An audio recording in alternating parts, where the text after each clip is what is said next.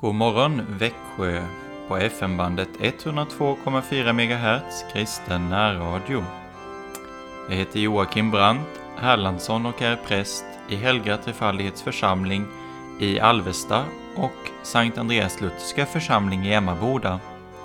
Vi lyssnar till Ej silver, ej guld.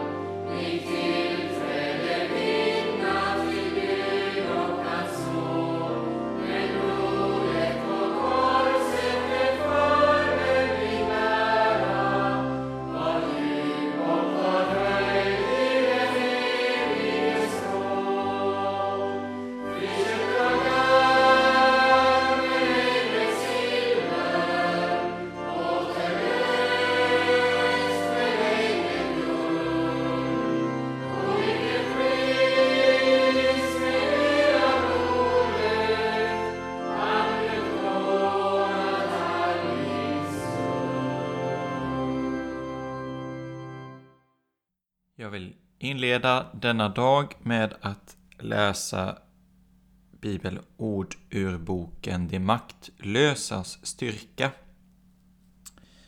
Ett ord att säga till Herren från Psaltaren 119. Du har gett dina befallningar för att de ska hållas med all flit. Du har gett dina befallningar för att de ska hållas med all flit. Och ett ord som svar från Romarbrevet 12. Var inte tröga när det gäller nit. Var brinnande i anden. Tjäna Herren. Var inte tröga när det gäller nit. Var brinnande i anden tjäna Herren.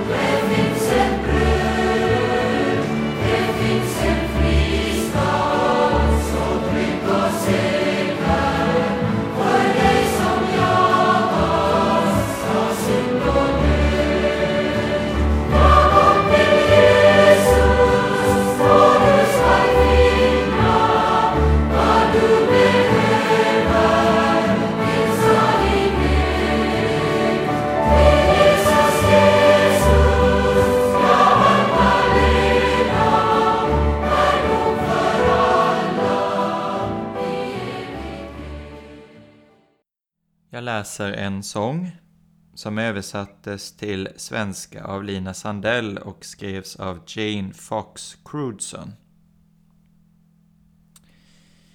Ge mig den frid som du, och Jesus, giver. Den frid som ljuvligt stillar all slags strid och gör att öknen själv en lustgård bliver och främlingstiden blott en liten tid.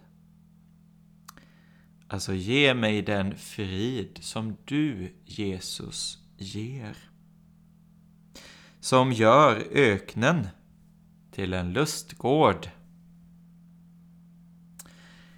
En liten tid att kämpa vid din sida var under hult du viskar, du är min en liten tid att så din säd och bida den dag då kärvarna får samlas in. Ja, det är en liten tid innan Jesus kommer. Och jag kan få höra honom viska i sitt ord. Du är min. Säg det till mig, Herre. Du är min. Och så får jag en liten tid så hans säd och vänta på den dag då kärvarna ska samlas in. En liten tid att hålla lampan färdig, en liten tid att vänta dig ännu, och sen ett evigt jubel, du är värdig att ha lov och pris och tack blott du. Ja, här är en liten tid att hålla lampan färdig så att jag kan gå ut och möta brudgummen när han kommer. En liten tid att vänta honom. Och sen ett evigt jubel. Du är värdig att ha lov och pris och tack, ja, bara du, Jesus, Guds offerlamm.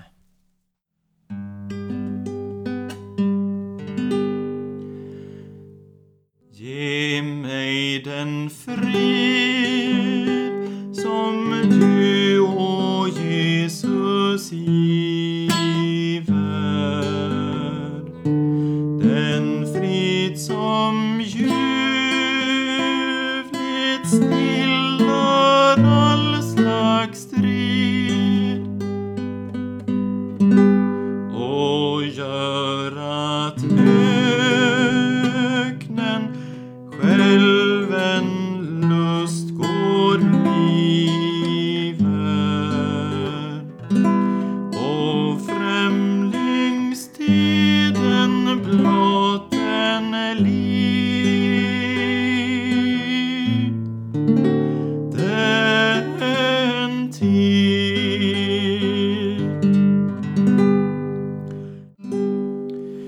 en liten tid att kämpa vid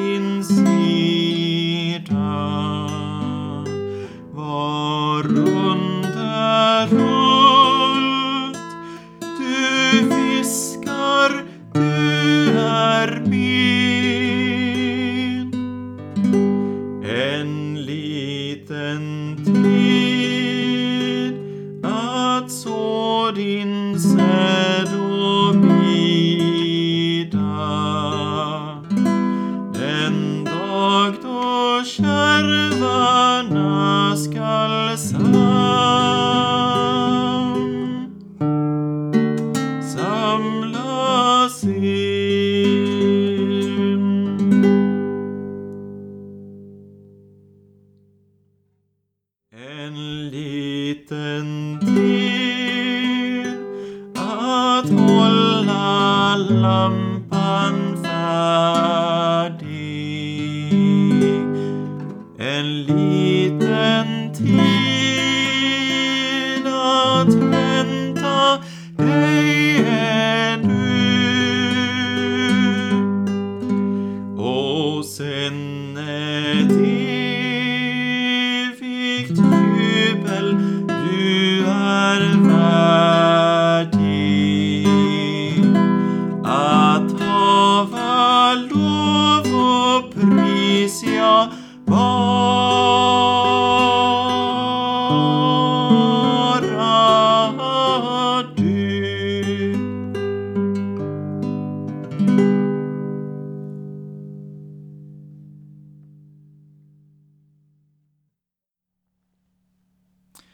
Jag läser ur Spis och föda som är utdrag ur Martin Luthers skrifter. Och se, en kvinna som hade lidit av blödningar i tolv år närmade sig Jesus bakifrån och rörde vid hörntofsen på hans mantel. Hon tänkte, om jag bara får röra vid hans mantel blir jag frisk. Se bara vad för ett hjärta denna kvinna har. Det är ju en utmärkt stor tro och förtröstan. Hennes hjärtas enda tanke har varit denna. Han hjälper mig säkert om jag så bara med min hand kunde få röra vid hans kläder. Ändå är hon inte så modig att hon vågar träda inför hans ögon. Hon håller sig alltför ovärdig att få tala med honom eller se på honom. Att hon inte hade förtjänat det och inte heller hade gjort Herren Jesus något gott. Det visste hon. Då går hon bakifrån nära honom, faller ner och rör bara vid hörntofsen på hans mantel. Kort sagt, där finns bara ovärdighet och inte minsta förtjänst. Vem har väl förtjänat att Herren då predikade evangelium för folket? Där är ingen beredelse, ingen gärning. Men den arma kvinnan är där och väntar sig något stort av Herren, att han ska befria henne från hennes sjukdom. Hon hade lidit av blödningar i tolv år. Vad kunde hon förtjäna med det? Hur kunde hon därigenom bli värdig till något?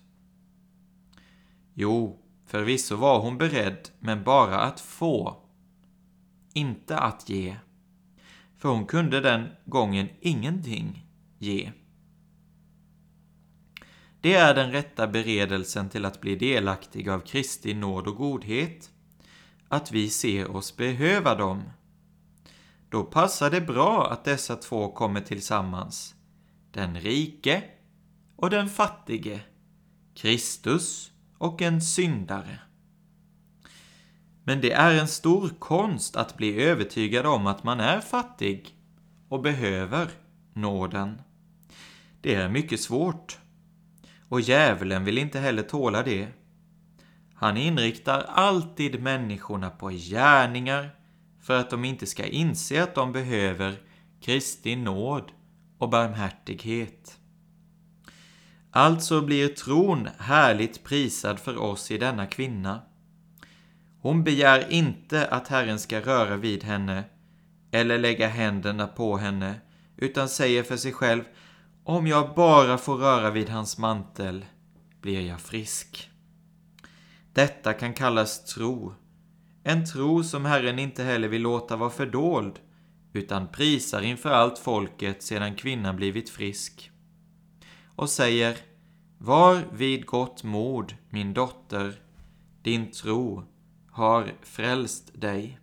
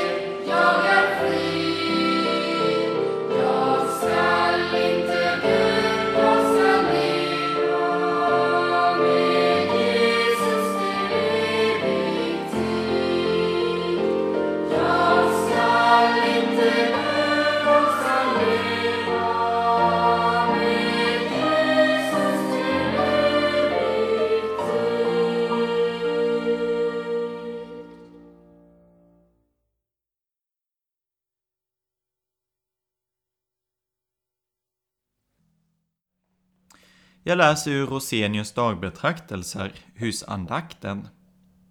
för den 15 november. Saliga är de tjänare som Herren finner vakna när han kommer. Saliga är de tjänare, säger Herren. Och vilken hög grad av salighet han menar framgår av fortsättningen. Jag säger er sanningen, han ska fästa upp sina kläder och låta dem lägga sig till bords och själv komma och betjäna dem.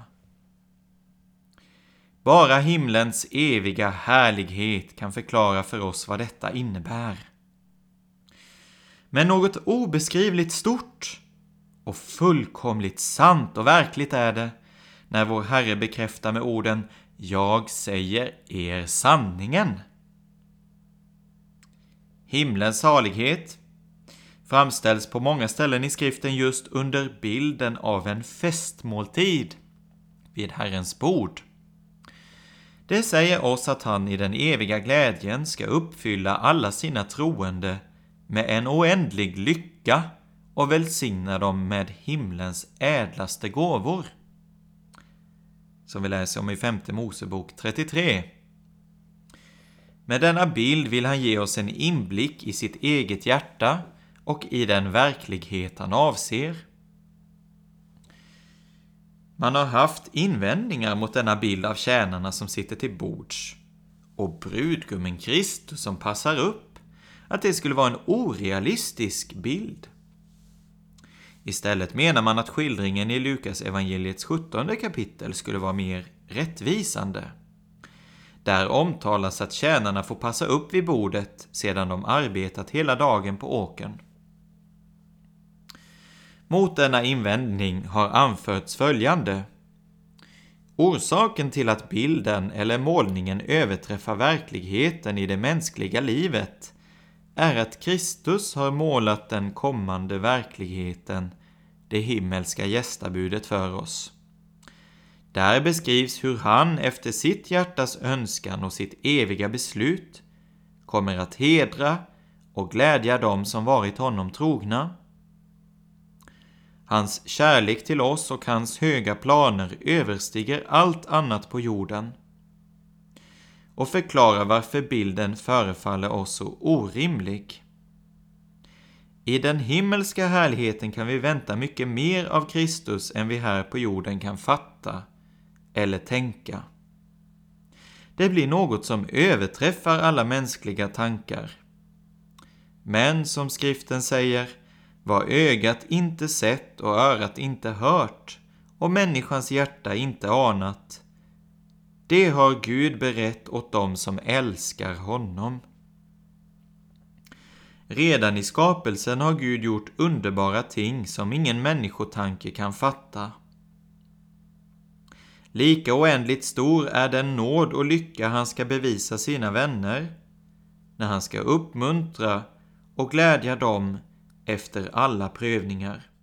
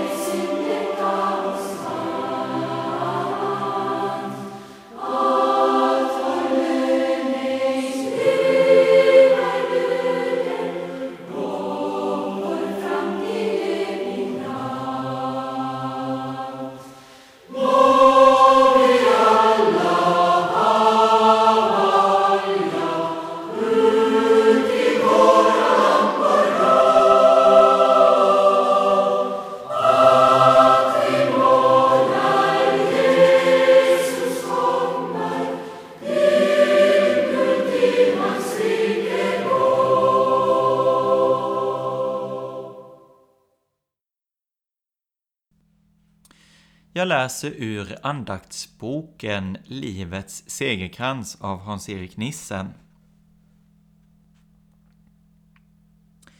Herre, den du har kär ligger sjuk. Det är gott att veta att den människa man håller av är innesluten i Jesu kärlek. Så är det alltid, men inte minst när vederbörande är sjuk. Och det var Lazarus. Hans stora lycka var att han hade två systrar som kände bönens väg. De sände bud till Jesus. De talade inte om för Jesus vad han skulle göra, men de påminde Jesus om hans kärlek till deras bror.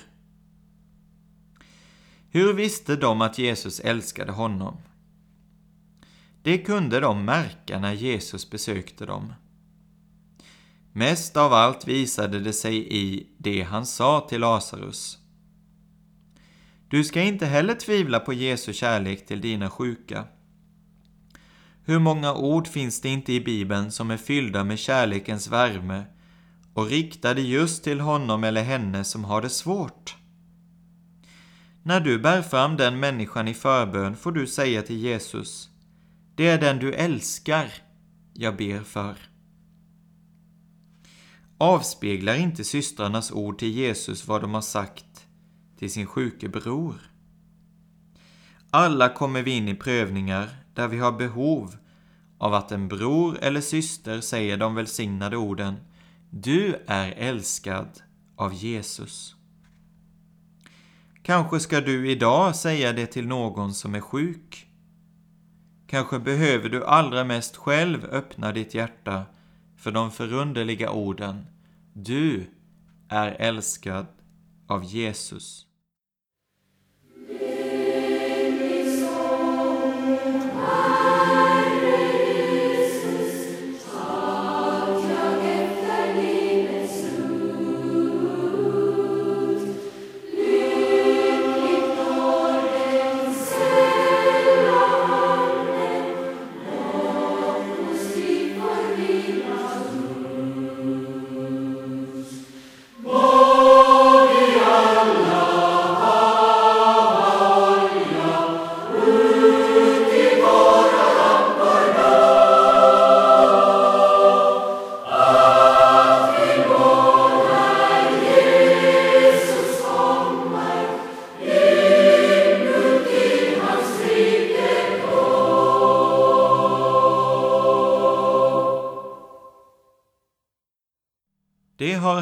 för att Guds verk skulle uppenbaras på honom.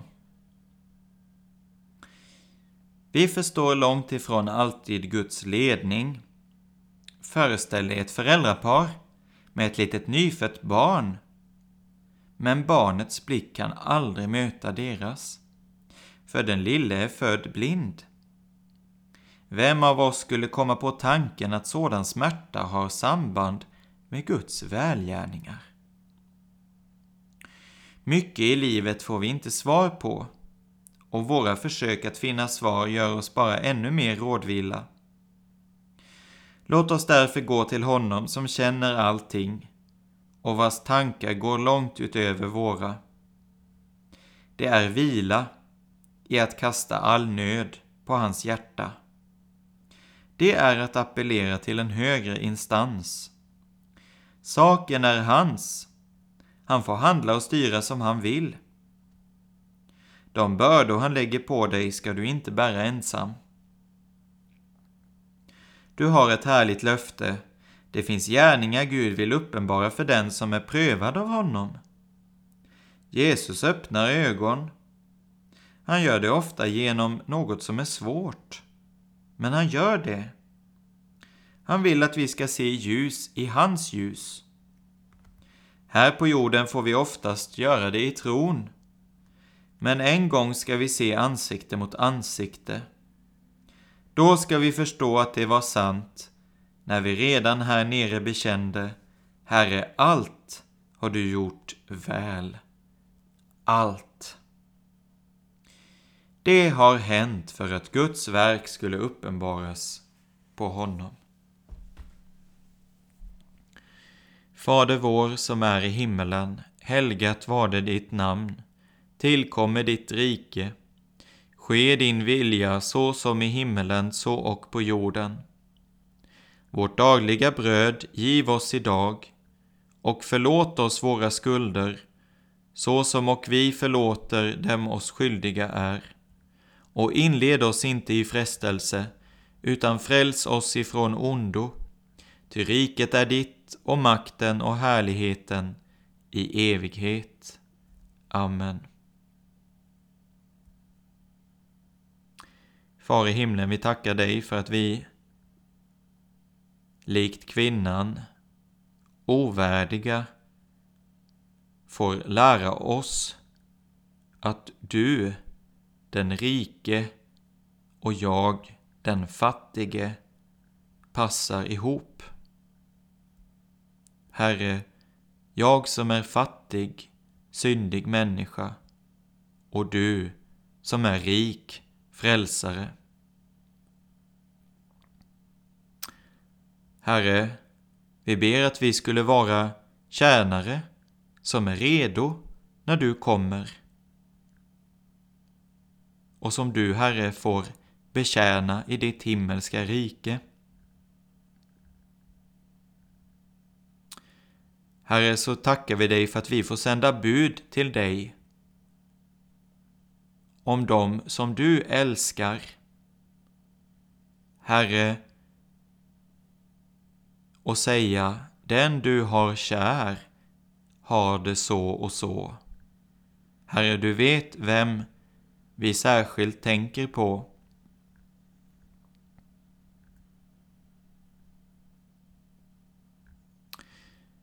Ja, Herre, låt oss i prövningen få öppnade ögon för att du gör allt väl. Och låt din vilja ske.